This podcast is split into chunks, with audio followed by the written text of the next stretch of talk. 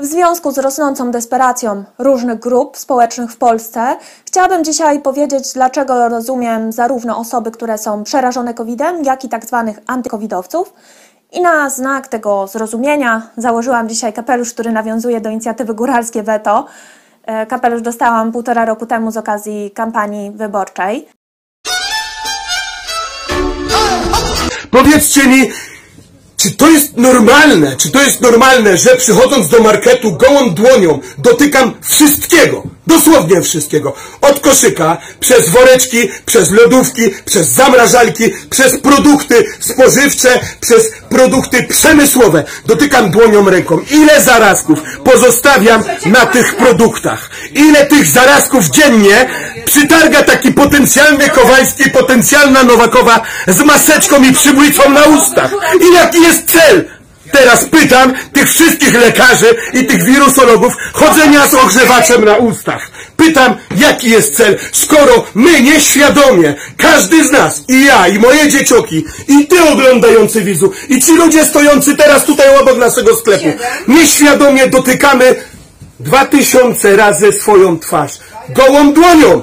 I tą gołą dłonią z moim potem dotykam produkty w markecie. A ty je nosisz do chałupy i w chałupie je trzymasz w lodówce. I kolejne pytanie. Dlaczego w marketach może znajdować się po 3000, 2000 ludzi jednocześnie chodząc w ogrzewaczach na twarzy, a nie mogą spotykać się na ulicy przy ognisku i wysyłacie swoją żandarmerię wojskową na, na jakieś e, spotkania rodzinne i pikniki, bo my stanowimy zagrożenie. Zagrożeniem jesteście wy. Wy jesteście zagrożeniem dla nas wszystkich. Wy, wy jesteście zagrożeniem. Wy, rządcy tego świata, jesteście zagrożeniem dla mnie i dla moich dzieci. Dziś przyjechał jeden z ludzi do mnie i powiedział do mnie, Baca, do mnie, usłyszałem gdzieś, ja to sprawdzę, jeżeli jest to prawda, uwierzcie mi, że ludzie sobie na to nie pozwolą. Podobno myślicie i kombinujecie, jak zaszczepić moje dzieci. Uwierzcie mi, że to będzie ostatnia rzecz w życiu, jaką zrobicie. Naprawdę, ostatnia, bo mnie nic nie powstrzymo już.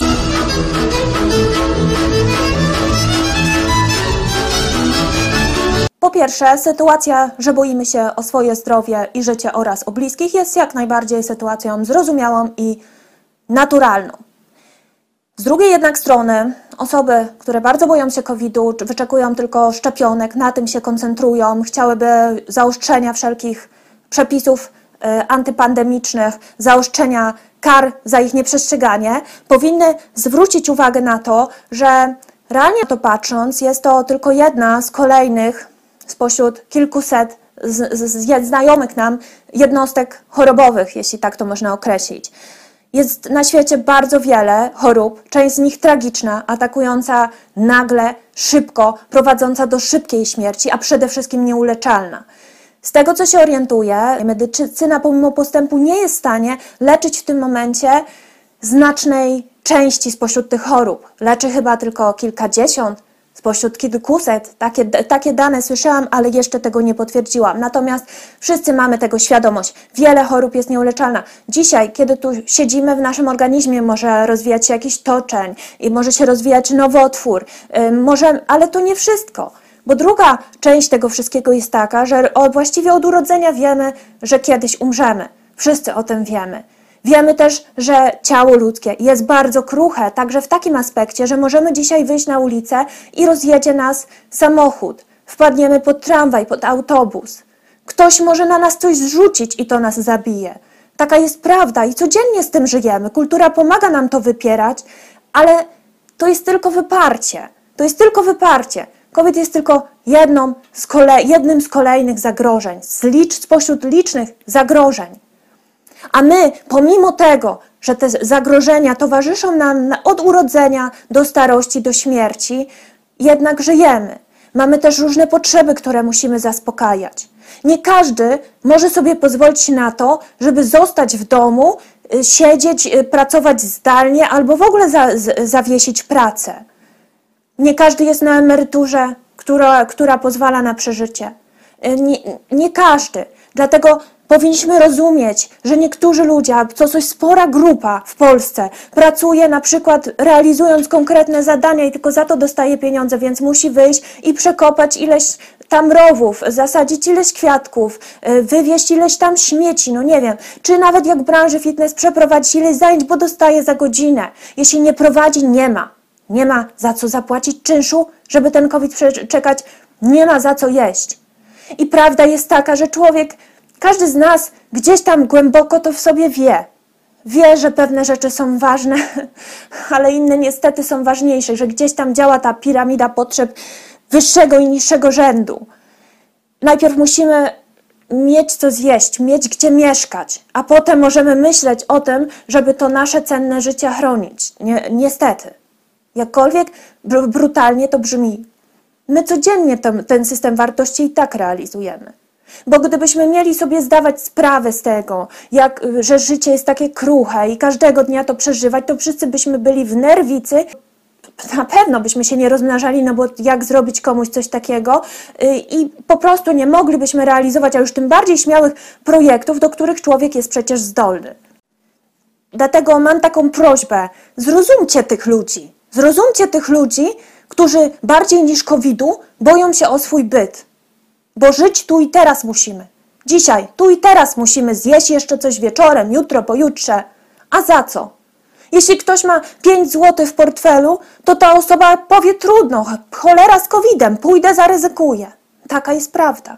Ej, na groniu w karczmiczce, w lesie jaworowym Ej, siedzą tam dzwonicy za kamiennym stołem Ej, siedzą tam dzwonicy za kamiennym stołem I teraz jeśli chodzi o osoby, które są tak zwanymi antykowidowcami i doszuku, doszukują się jakiegoś spisku, czyli że ktoś ten COVID zainspirował, wymyślił, wypromował i że to jest nieprawda, bo żadna choroba nie istnieje lub jest po prostu niegroźna.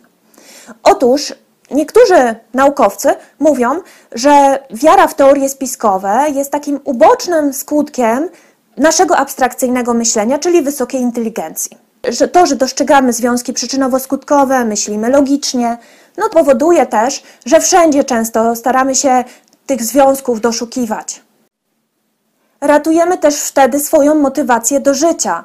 Tak jak myśląc, że jeśli będzie szczepionka, to będziemy jakoś szczególnie bardziej bezpiecznymi osobami, niż gdyby jej nie było, że, że jeśli nie będzie zagrażał nam COVID, to nasze poczucie bezpieczeństwa no, znacznie wzrośnie, to tak samo w przypadku osób, które są antykowidowcami, ich motywacja do życia rośnie wtedy, kiedy odczuwają kontrolę nad swoim życiem, kiedy uważają, że człowiek ma na to życie wpływ, że rzeczy nie dzieją się po prostu przypadkowo.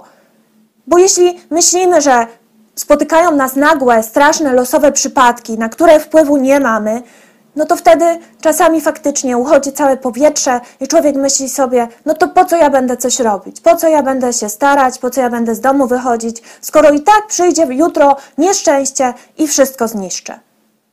Dlatego to też trzeba rozumieć. Ale, ale, antykowidowcy, Zwróćcie też uwagę na to, że często, a właściwie zawsze, ze wszystkich znanych mi przypadkach, swoje teorie spiskowe opieracie tylko na swoim rozumowaniu właśnie logicznym, abstrakcyjnym, nie zaś na badaniach. Nie macie do tego kompetencji w zdecydowanej większości.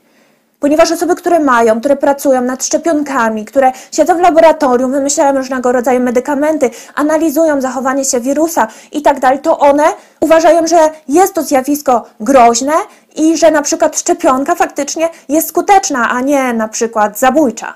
Tak? Natomiast wy uważacie, doszukujecie się tutaj spisku, próbujecie zniechęcać innych do ratowania w ten sposób swojego zdrowia i życia, a nie mając pewności, że macie rację. Więc czy nie, nie lepszym rozwiązaniem by było dać spokój i przestać ludzi zniechęcać, przestać głosić tę swoją teorię spiskową jednak. Niech oni się zaszczepią, niech oni się chronią, niech przestrzegają tych przepisów, bo jeżeli nie macie racji, to wtedy część z tych osób może faktycznie zachorować i część z tych osób może umrzeć i będziecie za to odpowiadać. A jeśli macie rację i to naprawdę teoria spiskowa jest prawdziwa, ktoś to wymyślił, a COVID jest fikcją, no to cóż, nikomu się nic nie stanie od tego, że no będzie siedział w domu. Też tak o tym pomyślcie. No trudno. Innymi słowy, jeśli nie pracujecie w laboratorium, nie macie pełnej wiedzy na ten temat, bo nie sprawdzacie tego empirycznie na co dzień, to lepszą strategią, bardziej moralną, etyczną jest nie głosić jednak teorii spiskowych, żeby zniechęcić innych do uważania na swoje zdrowie, zaniechać tego po prostu, niż głosić i ryzykować, że jednak nie macie racji, a ktoś przez to ucierpi. całe Podhale i całe południe, wszystkie, wszystkie miejscowości, które żyją z turystyki, otworzą się i zakończymy to szaleństwo. Damy impuls całej Polsce, żeby to szaleństwo, które chce zniszczyć Polskę i polskość, zniszczyć klasę średnią, mały i średni biznes zabija kilkaset ludzi dziennie, bo musimy sobie zdawać sprawę, że to nie COVID zabija Polaków, tylko rozporządzenia rządu i paraliż służby zdrowia. Takim symbolicznym gestem zapalenia tych pochodni na stokach narciarskich nadajemy pewien impuls, pewien rytm naszej akcji góralskiego weta. Macie jakieś żądania od rządu, do rządu? Żadnych.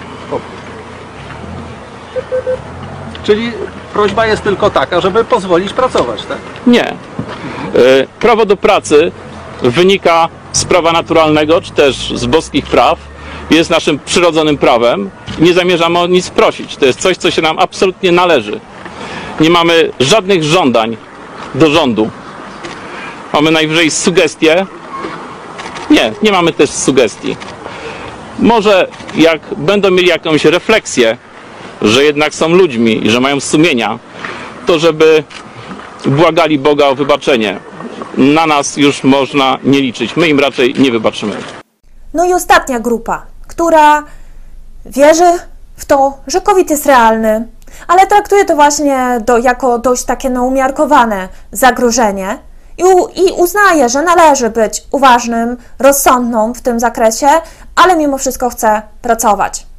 Chce pracować, bo najczęściej musi pracować. To jest bardzo proste. I teraz to, co się dzieje, to, co robi rząd w tym przypadku, te wszystkie decyzje, które są od wiosny wdrażane, to jest chaos i niesprawiedliwość. I ludzie to widzą, i w konsekwencji doprowadzi to do wygrania faszystów, różnej maści nacjonalistów, od Konfederacji, od y, pana Bosaka. Niestety, dlatego że ludzie zostali postawieni w takiej sytuacji, moim zdaniem, jak miała miejsce 30 lat temu. Bo znowu przyszedł rząd jakiś i powiedział, co wolno, a czego nie wolno. Wtedy też przyszedł jakiś rząd po transformacji i powiedział: prywatyzujemy, likwidujemy, niszczymy, wyrzucamy ludzie, ludzi, a ludzie wy sobie macie sami teraz poradzić w nowych warunkach. Nie obchodzi nas, że życie wasze wyglądało inaczej. Teraz was wyrzucimy i sobie radźcie. I tu jest niestety podobna sytuacja, bo przez 30 lat ludzie biedni, bo biedni, no ale jakoś próbowali sobie poradzić. No to kto tam mógł, no jeszcze ich tam mówili, że najlepiej to w ogóle będą, będzie jak oni wszyscy założą biznes. No to część z tych ludzi tam uciułała i jakieś tam pozakładała. No pani Kryś, Krysia tam wynajęła trzy pokoje w tych górach, tak? Yy, I dla turystów. Yy, pani Halina tam skarpetami wełnianymi handlowała. Yy, pan Józek yy, sery na pro, produkował tylko po to, żeby turyści przyszli i kupili trzy razy drożej. Tak to mówię, wygląda w górach. I ci ludzie jakoś tam sobie ciułali, zrobili to, czego władza od nich wtedy oczekiwała. Stali się przedsiębiorczy i jakoś tam sobie, no, często wyzyskując i innych swoich, którzy akurat nie mieli nawet tego mieszkania po babci, które mogli sprzedać, żeby ten swój mały biznes rozkręcić, no to wyzyskując, ale jakoś tam sobie ciułali, pracowali. E, no i tak, no mieli wszystko w dupie. A teraz znowu przyszedł jakiś rząd i im pracę zakazał. I, to, I oni widzą codziennie, jak popadają w ruinę, ci pracownicy ich też tak naprawdę widzą, że no przecież jak ci popadną w ruinie, no to przecież oni i tak też nie mają na co liczyć. I tak nie mają na co liczyć. No my byśmy na lewicy chcieli, tak, do, dać tym pracownikom, ale tak nie będzie. Ludzie o tym doskonale wiedzą, że zostaną z niczym. Zostaną z niczym i za każdym razem to tak w Polsce jest. To jest nasze doświadczenie. Czemu jesteśmy neoliberalni? Czemu jesteśmy antypaństwowi? Bo takie mamy doświadczenie. Bo albo państwo jakieś było obce, nie takie, no ciągle coś było nie tak z tymi władzami państwowymi. no to ludzie nie ufają i nie mają powodu, żeby mieć zaufanie, bo kiedy faktycznie widzą, że oni tam właśnie ciłają sobie te swoje małe, te kawiarenki, tam te, te pensjonaciki, a rząd otwiera raptem niespodziewanie przed świętami galerie handlowe, bo co? Idziesz do tej galerii, ja też byłam, że mówię, kupi, kupić rodzicom jakieś prezenty i nawet byłam zdziwiona, bo wcześniej były jakieś obostrzenia, że tam kilka osób na sklep przed świętami już tego w ogóle nie było. Tłumy całe się przetaczały, każdy wchodził, byle szybciej, w ogóle nie było tych obostrzeń. A w tym samym czasie branża fitness, gdzie tam znowu nie mamy problemu takiego, że nadmiary jakieś Polek i Polaków ćwiczą. Branża fitness w tym czasie była zamknięta. Ten klub ma taką powierzchnię, tyle, tyle, y, tyle maszyn, urządzeń i teoretycznie rząd chce zamknąć branżę. Natomiast tutaj macie na przykład branżę, inną branżę. Nie chcę tutaj y, mówić o tym, czy ona powinna być otwarta, czy nie, bo według mnie również powinna być otwarta. Zdecydowanie. I, i te sklepy poniżej tutaj nas też powinny być otwarte. Z odpowiednich restrykcji, e, obostrzeń, ale jeżeli tutaj w klubie, kiedy ćwiczy kilkanaście osób, zachowując odstęp przy tych wszystkich argumentach, o których tutaj mówiłem, a na przykład w sklepie są kolejki, nie można znaleźć, znaleźć miejsca do zaparkowania. W galeriach tłumy, w galeriach były tłumy, ponieważ galerie też będą zamknięte, ale były tłumy. Yy, W sklepach, nawet z odzieżą były tłumy, kolejki, były kolejki. I tutaj można, a tutaj nie można. Gdzie w tym logika? I dziwić się tym ludziom, że szału dostają. Owszem, przed chwilą widziałam, że, y, udzia- y, że Urząd Ochrony Konkurencji nałożył na nich wielką karę. O tym może powiem innym razem. Ja y, podejrzewam, że może to być słuszna kara. Oczywiście jest to w tym momencie wyciągnięte po to, żeby, y, żeby ich zastraszyć. To jest jasna sprawa. To, że tam jest monopol, y, jakiś benefit system, to, jest, y, to też jest jasna sprawa, ale tu w ogóle nie o to chodzi. Bo weźmy na przykład znajomych, którzy założyli sobie spółdzielnię, bo to jest taka branża, że no tam właśnie mówię, mu- trzeba pracować na godziny, bo inaczej się nie da. No, no, mm, instruktorka może pracować 2-3 godziny dziennie. Trener też ma ograniczoną możliwość fizyczną, przecież to się demonstruje ludziom te ćwiczenia, ćwiczy się z nimi. W związku z tym tam jest też zresztą dużo specjalistek i specjalistów potrzebne, bo tam zawsze jest i masażysta, na przykład technik, tak? I y, jest y, trener po y, Akademii Wychowania Fizycznego, i, jest trenerka po fizjoterapii, y, i jest instruktorka fitness po kursie na przykład, tak? która czas, czasem dorabia, czasem jest to główny zawód. W zawodach, które nie e, pracują w ochronie zdrowia, bezpośrednio w szpitalach i e, w, w przychodniach, no to jest ciężko po prostu o stałą pracę. E, praca w szkole też często osobom po AWF-ie nie daje tyle, ile one by oczekiwały, żeby godnie przeżyć. W związku z tym takie osoby, i to jest często też ich pasja, więc takie osoby zakładają na przykład spółdzielnie, sama takie znam, y, i tworzą te różne centra wspólnie.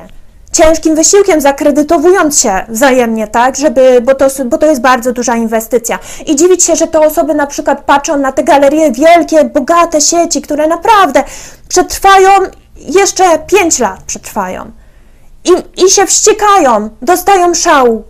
O, to jest naturalny ludzki odruch. I jeśli nawet wiedzą, że to raczej nie jest spisek medyczny, to zaczynają mieć podejrzenia, że po prostu rząd y, faktycznie oligarchizuje gospodarkę. Na lewicy powinniśmy mieć jasność, że to nie doprowadzi do wzrostu jakby lewicowych koncepcji gospodarczych. Przynajmniej w Polsce w najbliższym okresie. Mamy rząd skrajnie prawicowy, liberalny i konserwatywny, z koncepcją hierarchicznego społeczeństwa, z koncepcją, że oligarchia, czyli kilku magnatów dogadanych z władzą, to jest właśnie ta wymarzona przyszłość. Wyobraźcie sobie, jaka będzie wtedy pozycja tych wszy- całej reszty pracownic i pracowników. Jaka będzie pozycja? Te, I trzy razy jeszcze gorsza niż z Januszami biznesu, gdzie tam od jednego do drugiego można się było tu, tułać, no i tam jakoś, i, jakoś przetrwać. I wszyscy tak sobie wzajemnie trwali. A oni owszem, część upaństwowią, a część pozwolą wykupić jakimś swoim koleżkom, bogatym koleżkom i z nimi będą nas wszystkich trzymać za mordę. I ja się nie dziwię, że ludzie się tego boją i ich odruchem będą, nawet jeśli nie teraz, jakieś poważne protesty za chwilę, to, będą, to będzie po prostu wybór takich, co powiedzą, że się będą od gospodarki trzymać jak najdalej. Niestety. I dlatego od samego początku mówiłam, jedyną opcją taką lewicową w tej sytuacji to byłaby, było, byłoby zaproponowanie dofinansowania tych wszystkich sektorów pod warunkiem zmiany na własność pracowniczą pod warunkiem wzmocnienia własności pracowniczej. Kiedy ja mówię własność pracownicza, to wszyscy mówią, o, o rany, utopia, kolektywne zarządzanie. Co to w ogóle ma być? Gdzie tam? To tylko w bajkach takie rzeczy się zdarzają. No otóż nie w bajkach, bo nawet właśnie tutaj w górach nieopodal działała długo Muszynianka, teraz z jakichś przyczyn, ale nie z przyczyn, że bankrutowała absolutnie, bo nadal trwa, ona się sprywatyzowała, ale działa Mlekowita, inne y, mleczarnie, to wszystko są spółdzielnie. Możecie sobie y, wyszukać informacje, odnoszą faktycznie sukcesy na świecie. Y, Akurat jeśli chodzi o mleczarstwo, to podobno całkiem nieźle ta branża w Polsce stoi i to są spółdzielnie. Ale tu nie chodzi nawet, żeby nazwać spółdzielnią. Nie chodzi, żeby nazwać spółdzielnią. Można sobie stworzyć różne inne instrumenty takiej własności. I najważniejsze, własność kapitalistyczna, prywatna też jest kolektywna. Przecież spółka akcyjna należy do udziałowców, czasami setek udziałowców anonimowych. Przecież spółka cywilna to jak wskazuje jest spółka, nazwa, tak? Czyli wszystkie te podmioty jednoosobowe działalności gospodarcze to są te najbiedniejsze, tam gdzie jest malutki majątek i właściciel, właścicielka nie zabezpiecza swojego prywatnego mienia przed ewentualną plajtą, tak? Y, Ale tam, gdzie jest, jest, gdzie są większe pieniądze, gdzie są większe podmioty, to wszystko są spółki, jest zarząd, nie, nie y, jedna osoba zarządzająca, owszem, może być wybrany prezes, prezeska, ale jest to własność, jest kontrola więcej niż jednej osoby. I teraz zobaczcie, jakie zyski by z tego były, gdyby pracownicy mogli wspólnie jednak decydować. Tak naprawdę to, co chciałam też udowodnić w tym filmie, mówiącym, gdzie śledziłam, jakie są zarobki i jakie są w ogóle te i struktura tej, tej przedsiębiorczości w Polsce, to, to co chciałam powiedzieć, że realnie nie ma wielkiej różnicy majątkowej między pracownikami a przedsiębiorcami w Polsce takimi tymi drobnymi, no tymi wszystkimi burgerowniami, kawiarniami, zakładami fryzjerskimi, tym wszystkim takim mm, często mieszczańskim, ale niekoniecznie, no i podhalańskim na przykład też i nowosądeckim też, rynkiem.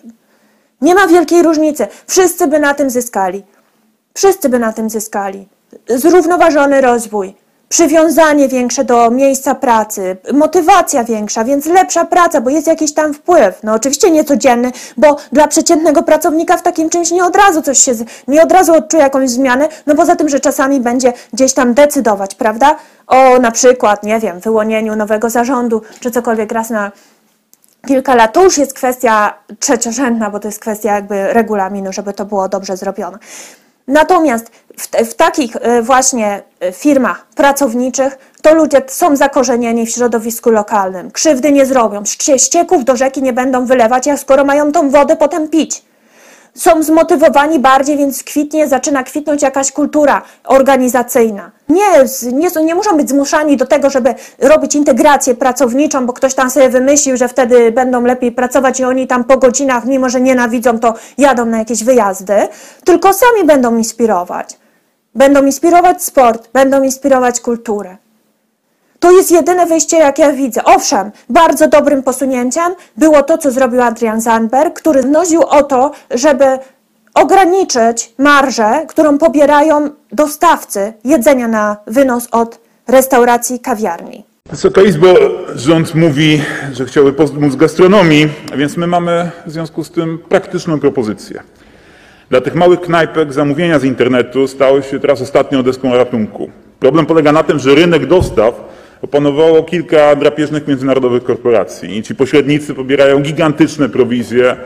E, mali się na to godzą, bo praktycznie nie mają wyboru. Więc to trzeba nazwać po prostu otwarcie, to jest wyzysk. Wyzysk jest wtedy, kiedy silny wykorzystuje słabego i to jest dokładnie ta historia, z którą mamy do czynienia. I teraz w pandemii widać po prostu, że ten rynek zdziczał. Państwo może ochronić gastronomię przed międzynarodowymi korporacjami, musi po prostu wyznaczyć maksymalne marże dla pośredników. To jest zasada, która działa lokalnie w Filadelfii, działa lokalnie w San Francisco, działa lokalnie w Nowym Jorku i nic nie stoi na przeszkodzie, żebyśmy wprowadzili ją także u nas. To rozwiązanie, które my proponujemy, jest neutralne budżetowo. Ono nie kosztuje budżetu państwa ani złotówki. Ale chcę powiedzieć uczciwie, trzeba będzie się postawić parumożnym, więc przygotujcie się duchowo, że jeżeli byśmy je przyjęli, to znowu zadzwoni do Was pani ambasador Mosbacher i trzeba będzie umieć jej powiedzieć nie. Ja przypominam, że Amerykanie sami w tym momencie wprowadzają lokalnie takie rozwiązanie, więc może to doda Wam odwagi, której w relacjach z ambasadą USA niestety rządowi od dawna brakuje. Niestety to przepadło, oczywiście głosami liberałów i liberałek też. Ale to i tak nie rozwiązałoby całego pro- problemu, bo e, to nie jest tak, że tylko problem mają kawiarnie i restauracje. Niestety, ja wiem, że część e, u mnie na lewicy uważa, że to jest świetnie, bo się upaństwowi, tylko pamiętajcie o tym, pamiętajcie o tym, jakie to będzie upaństwowienie. I to nie będzie tak, że po prostu wrócą e, w czasy pracownicze i to nie będzie tak, że ta własność państwowa będzie tą bardziej sprawiedliwą. Ta własność państwowa będzie tą zamordystyczną włas- własnością, która będzie równie zła jak najgorsza własność kapitalistyczna. I ludzie, którzy mówią, narzekają na PRL, to właśnie na tę niesprawiedliwość e, narzekają. Na klasę, która była przy władzy i która miała więcej niż przeciętne osoby. I to jest problem, to jest problem, to jest, który musimy pokonać, od którego musimy się odciąć właśnie, żeby pokazać, że my takiego czegoś na lewicy nie wspieramy, że takiego, yy, takiego socjalizmu, jak był wdrażany w tym zakresie, jednak nie chcemy, bo on nie był sprawiedliwy i to głównie o to chodzi. To nie było sprawiedliwe, a chodzi o to, żeby wszystko funkcjonowało lepiej, ale też tak, żeby ludzie mieli do tego zaufanie i do siebie wzajemnie, żeby mieli zaufanie. To, co robi rząd Morawieckiego od początku pandemii, zaufania resztki po prostu zniszczyło.